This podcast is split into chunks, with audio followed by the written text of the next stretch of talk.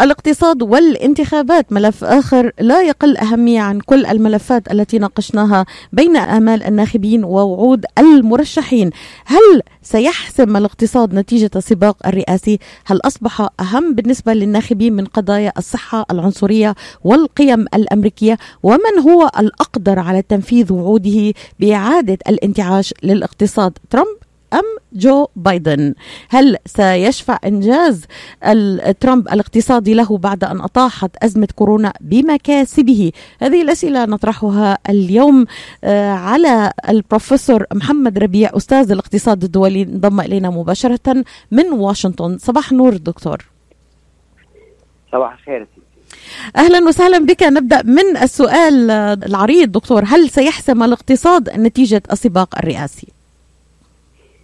أنا الحقيقة ما بعتقد آه، علما بأنه يعني الوضع الاقتصادي سيء والاقتصاد الأمريكي بحاجة إلى عمل جدي ووضوح في الرؤية لكن ما بعتقد أنه راح يحسن لأنه السيرة تبعت آه، ترامب جيدة جدا في الاقتصاد ولا بايدن.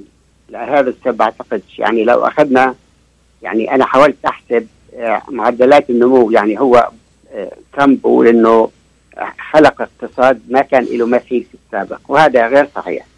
يعني هو ما تغير معدل النمو الاقتصادي عن الفترة اللي كان فيها كلينتون الأخيرة. فأنا حسبت الثلاث سنين الأخيرة بالنسبة لترامب كان عن معدل الاقتصاد في الثلاث سنين الأخيرة لأنه سنة 2000 هذه يعني غير عادية ما حسبناها. طلع سبعة وخمسة من عشرة النمو يعني مجموع النمو في الثلاث سنين.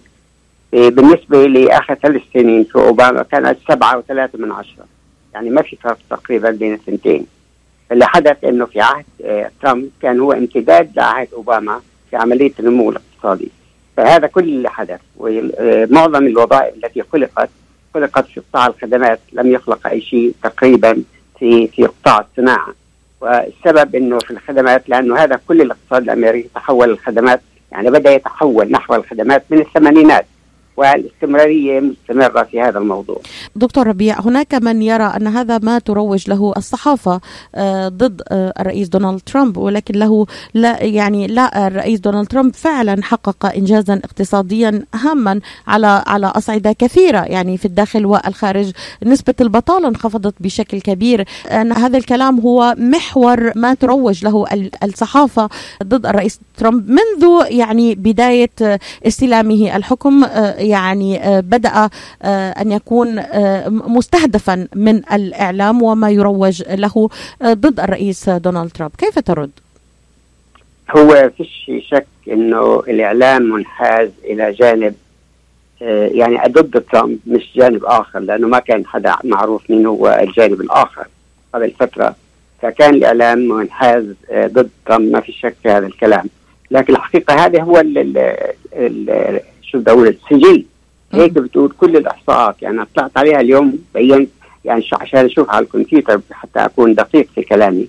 هذا هو كل ما حدث. اللي حصل ليش انخفض آه، معدل البطالة؟ انخفض لسببين. السبب الأول إنه في ناس كثير تركوا البحث عن عمل. تركوه تماما يعني تقاعدوا. خلص مش محتاجين. ولا راح عايش إذا عنده مزرعة عاش عليها. فبالتالي نسبة المشاركة في العمل في أمريكا انخفضت بشكل كبير في عهد ترامب. وهي الحقيقة بدأت تنخفض في عهد أوباما يعني مش شيء جديد. فعملية انخفاض هذا اللي حصل في المرحله الأخيرة، النقطه أخرى في ناس كثير توقفت عن البحث عن العمل، يعني لما نحن بنقول شو البطالة؟ البطالة هو الشخص الذي لا يعمل ولا يبحث عن عمل، هذا هو العاطل عن العمل، لكن إذا هو بيبحث عن عمل بصير إنه هو عاطل عن العمل، فكثير من الناس وقفت تبحث عن عمل، يعني مثلا كان رجل ومرأته بيشتغلوا الاثنين. ووقفت الرجل وقف مثلا أو المرأة وقفت عن العمل عن العمل والثاني بيشتغل. فبالتالي هذا الشخص الذي توقف عن البحث عن العمل أصبح مش عاطلا عن العمل. وبالتالي يعني نسبة المشاركة عليه بتقل بشكل كبير في العملية فبتبين الأرقام كانها أقل.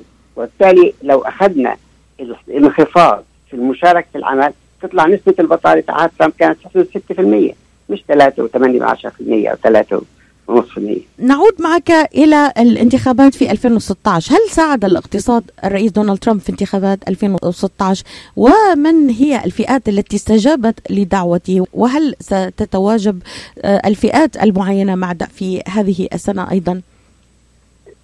الفئات اللي جاوبت معاه هي أول شيء اللي رجال الأعمال لأنه وعد بخفض الضرائب. بالفعل خفض الضرائب. خفض الضرائب وبالتالي هذا عمل نوع من التنشيط للاقتصاد.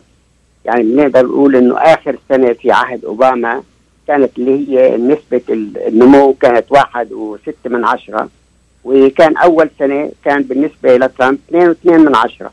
يعني في فرق حوالي النص بالنسبة للنمو. فبالتالي حصل في هذه لأنه إجت هذه نتيجة لخفض الضرائب على الناس اللي صار عندها فلوس تصرف فبالتالي صرفت هذه الفلوس فبالتالي كان عملية النمو هو عملية إنفاق لأنه إحنا الآن الإنفاق يشكل أكثر من 70% من الناتج القومي الإجمالي. يعني لما بيصرفوا الناس فلوس أكثر يبدو الاقتصاد إنه نمى. مش ضروري يكون نمى الحقيقة لأنه أنت بتقدر تستوردي. لهذا السبب نجد إنه في في في ارتفاع كبير في العجز في الميزان التجاري في عهد ترامب أكثر من أي واحد السابق. فإحنا بنستورد أكثر. يعني حتى في في عهد الآن في الشهر أسوأ شهور كورونا. الواردات من من الخارج زادت والعجز في الميزان التجاري زاد والصادرات الامريكيه للخارج قلت. فبالتالي إنه يعني المقاييس اللي باخذها الإنسان لها 100 وجه مش وجه واحد حتى إنه يشوف كل الوجه. فبالتالي أنا ما أعتقد كان في تحسن في الاقتصاد بشكل يعني ملحوظ بالنسبة لعهد أوباما بالمرة. يعني هناك من يرى أن الرئيس دونا الرئيس دونالد ترامب أوفى بالوعود التي قطع على نفسه في المجال الاقتصادي على 2016 إصلاح البنية التحتية خفض العجز في الميزانية كما أشرت إعادة الوظائف الصناعية التي رحلت إلى الصين وغيرها وخفض الضرائب. أليس هذا صحيح ودقيق بروفيسور ربيع؟ لا يعني صحيح فقط بالنسبة للضرائب. هذا صحيح ونجح فيها إنه خفض نسبة الضرائب هذه الإنجاز الكبير اللي عمله في وقته اللي هو الرئيس ترامب.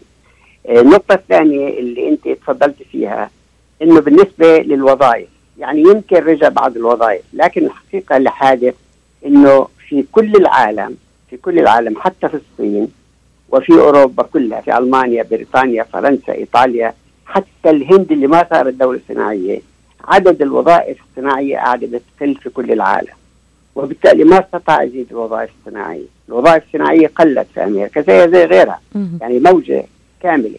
وهذا له سببين. سبب واحد في ناس حكوا فيه اللي هو موضوع إنه في عندك الروبوت اللي هو الإنسان الآلي. الآلي. هذا الحقيقة قاعد بآخذ دور العامل الصناعي في كل مكان. والنقطة الثانية اللي ما عادت يمكن ما حدا تكلم فيها أنا تكلمت فيها اللي هي موضوع إنه القدرة الإنتاجية اللي بنتها بالذات الصين وبنتها كوريا وبنتها اليابان أكثر من القدرة الاستهلاكية للعالم كله. والآن بيقدروا يزيدوا الإنتاج بدون عماله لأنه العامل لأنه عامل آلي مش عامل عادي.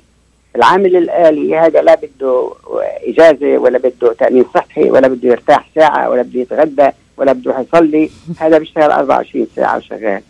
لهذا السبب إنه إحنا الحقيقة ما في عندنا خلق وظائف صناعيه، لهذا السبب في عندك نسبة الفقر لا زالت كبيرة جدا في أمريكا. ليش؟ لأنه المعاشات اللي طالعة كلها اللي طلعت في الخدمات معاشات قليلة ولهذا السبب ناس كثير تركت الشغل، يعني الناس اللي فقدت وظائفها في المصانع ما ممكن بعد ما كان يأخذ 50 دولار في الساعة يرجع يأخذ 6 دولارات أو 7 دولارات أو 10 أو حتى 15 دولار. يقدرش يعيش فيها، فاللي كان عنده محول شوية فلوس أو عنده شغلة بيت بأجر ولا شيء قال لك بلا الشغلة كلها بطل يدور على على عمل. هذا السبب نسبة المشاركة؟ قلت.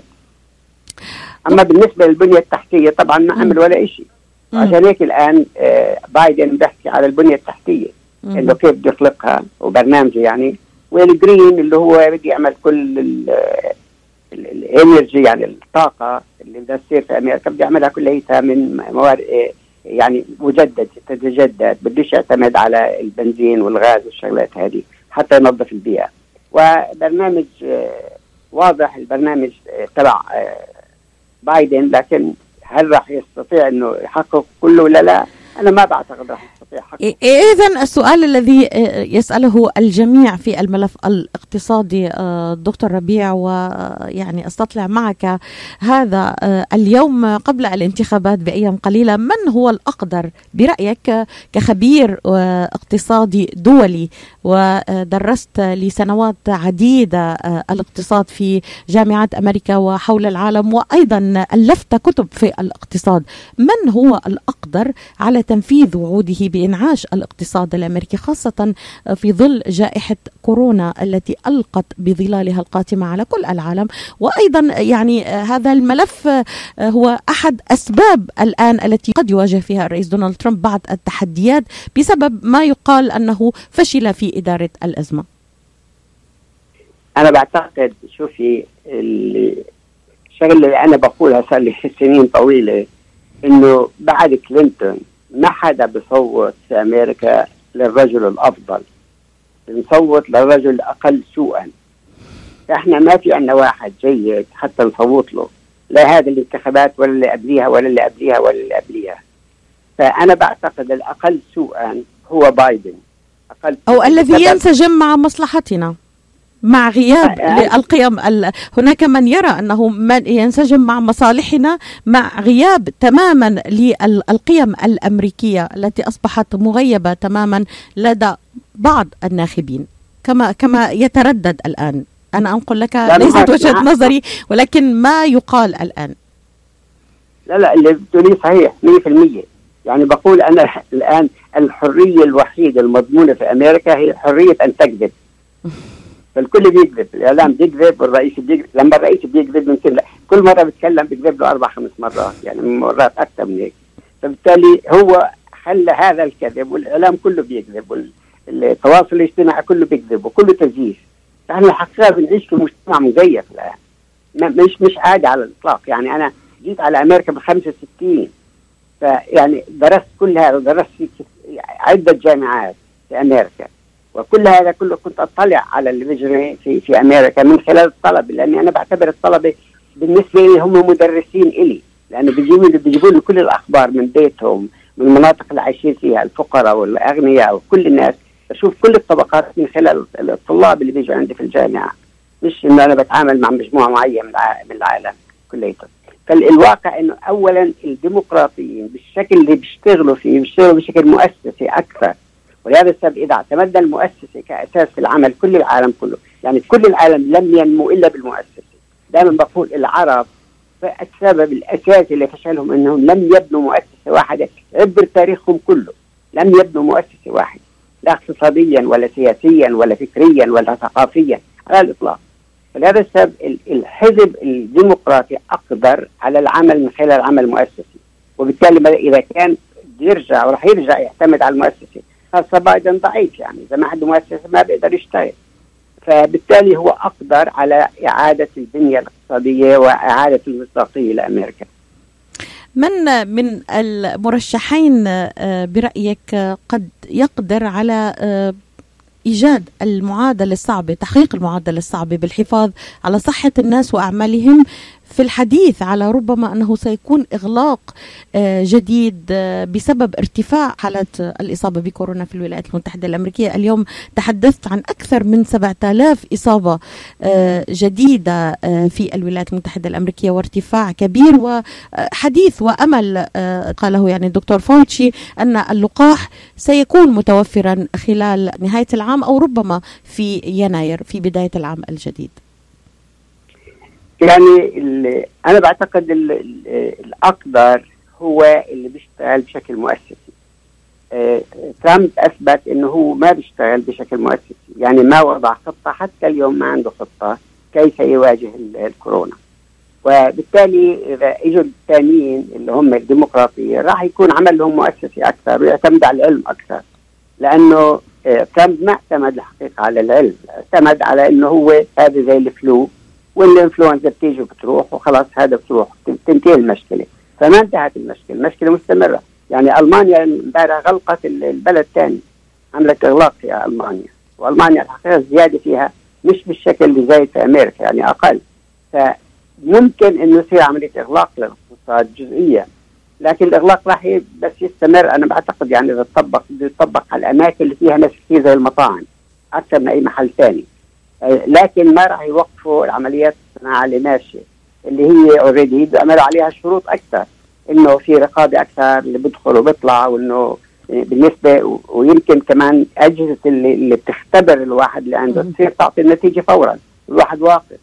فبالتالي هذا كله راح يتقدم مش لشطارة الإدارة الجاية إذا إجت ديمقراطية لأنه في تقدم في العلم وتقدم نحو وجود اللي هو الاطعمه بالنسبة لهذا المرض. دكتور ربيع يعني سؤالي الأخير في الدقائق المتبقية يعني أقل من ثلاث دقائق على نهاية البرنامج هناك من يرى في حواري على المستوى الشخصي مع بعض الأصدقاء سيصوت للرئيس دونالد ترامب لأنهم يرون أن الحزب الجمهوري أقدر على إنعاش اقتصاد البلاد من الديمقراطيين، من أين أتت هذه الفكرة برأيك؟ لماذا؟ ربما لا يرون أن الرئيس دونالد ترامب هو الأكفأ لكن سيصوتون له آه، لأنه جمهوري ولأن الحزب الجمهوري أقدر برأيهم على إعادة البلاد آه، دائما في الملف الاقتصادي يعني آه، هو حاضر لدى المواطن الأمريكي كما أشرت في بداية البرنامج وهذا الموضوع حيوي ومهم جدا بالنسبة للناخب الأمريكي. من أين أتت هذه يعني اللي حدث لو أخذنا كلينتون كان هو أنجح من الرئيس اللي قبليه بالنسبة للاقتصاد وكان ديمقراطي ما كانش الحقيقة أنه جمهوري. وفي الأزمة الاقتصادية الأولى أيضا اللي ساهموا في رفع الاقتصاد كانوا ديمقراطيين أكثر من الجمهوريين. بالعكس الديمقراطيين هم اللي بينفقوا والإنفاق هو الذي ينتج يعني بحرك الاقتصاد وبنشطه. لكن هذه القناعة لأنه معظم الناس اللي موجودين في الحزب الجمهوري هم رجال أعمال. رجال الأعمال في تكدس في هذا المجال بعتقد انه رجل الأعمال هو أقدر من الإنسان العادي. لأنه هذه البلد كلها أمريكا بنيت من خلال رجال أعمال. يعني في اليوم الأول الذي بنيت فيه لما طلع الدستور تبعهم كان اللي يحقق التصويت في الانتخابات هو الرجل الذي يملك أملاك. اذا إحنا أعطيناها من أول يوم للناس الأثرياء. انت عندك املاك وانت رجل ابيض انت بتصوت هذه كانت وبالتالي النسبة اللي كانت بتصوت أول انتخابات في أمريكا كانت 6% من سكان أمريكا فقط. فبالتالي هذه الصورة إجت من الأساس إنه هذه البلد بنيت من خلال رجال اعمال هم اللي بنوها اللي هم كلهم حرامية الحقيقة. سرقوها من الرجل البسيط اللي هم سكان البلاد الأصليين. فبالتالي من هنا أجت هذه الفكرة واستمرت. والاسى الشيء اللي محزن بالنسبة الديمقراطيين انهم ما بدافعوا عن اللي هم بيعملوه ما بدافعوش عنه. ما عندهم أفكار ما في أفكار جديدة. فبالتالي الساحة مفتوحة للي بيقدر يكذب أكثر ويعطي وعود أكثر. يعني لما نتكلم عن يعني, يعني أنت تحدثت عن عدة نقاط هامة. الآن لا أعتقد أنها حاضرة لدى الناخب الأمريكي أو يعرفها أو آه، ربما آه، تغير وجهة نظره في عندما لمن سيصوت بغض النظر عن المرشحين الآن ولكن بالعموم آه، إلى الحزب الجمهوري أو الديمقراطي من يقف في مصلحة المواطن؟ خلينا نقول الطبقة المتوسطة في الولايات المتحدة الأمريكية يعني الوسط والأقرب إلى الفقر. هذا هذا هو نقطة الخلاف أنها لا توجد معلومات صحيحة أو دقيقة لدى الناخب لماذا يجب عليه أن ينتخب الديمقراطيين وليس الجمهوريين؟ يعني زي ما تفضلت الحقيقة يعني المعلومات مش متوفرة عن نسبة مثلا الفقر والبطالة بين الناس البسطاء. يعني أنا مثلا سمعت قصص إنه واحدة بتقول إنه هي يعني من لاتين أمريكا من أصول لاتينية إنه عشان تحصل على مية لما بقول لك لازم تغسل إيديك وتشرب مية بالنسبة للكورونا تقول أنا لازم أسافر 50 ميل عشان أجيب مية نقية. هذا موجود في أمريكا. الآن في الأطفال في الأماكن ما عندهمش إنترنت وهم يتعلموا بالبيت. كيف بيتعلم بدون إنترنت؟ ما عندهم. في فقر كبير في, في, في الجنوب. لكن الإنسان العادي الذي ورث التركة الأمريكية بيعتقد إن أمريكا هي بلد الحرية والحرية الاقتصادية هي جزء من حريته. ما دام أنا حر وما بدي حدا الحكومة تقول لي شيء أعمل. اذا أنا الحرية أنا بدي أروح مع الجمهوريين لأنهم بوفروا الحرية. بعتبر الحرية الاقتصادية هي جزء أساسي من حريته السياسية. ولهذا السبب ما بدي أقول لك ما بدنا يعني شو الدعاية دائما؟ إنه هدول الناس هم بدهم يصرفوا فلوس أكثر وبدهم يحددوا حرياتك عن الديمقراطيين وبدهم يعملوا وهدول الاشتراكيين بيتهمون بالاشتراكية. أصلا 99% من الأمريكان بيفهموش شو هي الاشتراكية. فأنت عندك يعني يعني مجال كبير للجهل وللناس اللي هي تروح مع الجمهورية. يعني في ناس صار قالوا لي قالوا لي إحنا راح نصوت لترامب بسبب بسيط جدا إنه إذا هو ما نجح راح تصير حرب أهلية؟ بالتالي عشان يتحاشى حرب أهلية أو يعني اشتباكات بين بدها تصير ما هم جماعة ترامب قاعدين بهددوا وهو بهدد. بسبب الخطاب التصعيدي الذي يعني آه الآن منذ استلام الرئيس دونالد ترامب هناك خطاب أكثر يعني تصعيدي وتحفيزي بين أطياف المجتمع وبين الأقليات. آه طبعا هذا ملف أيضا مهم جدا. دكتور ربيع أشكرك جزيل الشكر. الاقتصاد والانتخابات بين أمال الناخبين ووعود المرشحين. آه هذا الملف الهام ناقشناه معك هذا الصباح. البروفيسور محمد ربيع أستاذ الاقتصاد الدولي كنت معنا مباشرة. من واشنطن. شكرا لك. شكرا لك.